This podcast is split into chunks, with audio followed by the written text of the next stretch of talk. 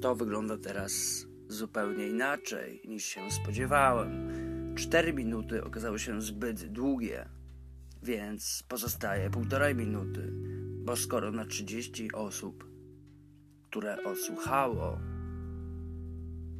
części mojego mówienia, jedynie cztery dotrwały do końca, więc być może warto skrócić całość.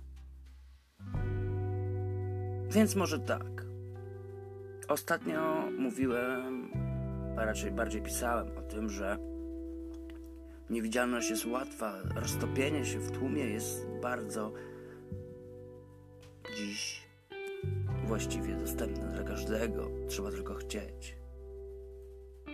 Więc dziś może w drugą stronę, bo wyróżnienie się w tłumie jest równie łatwe.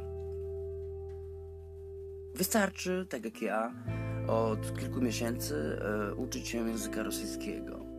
Nie trzeba się malować, nie trzeba się przebierać w turbany, nie trzeba wyróżniać się strojem, e, fryzurą czy czymkolwiek innym. Wystarczy po prostu używać rosyjskich znaków w telefonie jedząc w tramwaju. Ludzie automatycznie się odsuną. Wierzcie mi.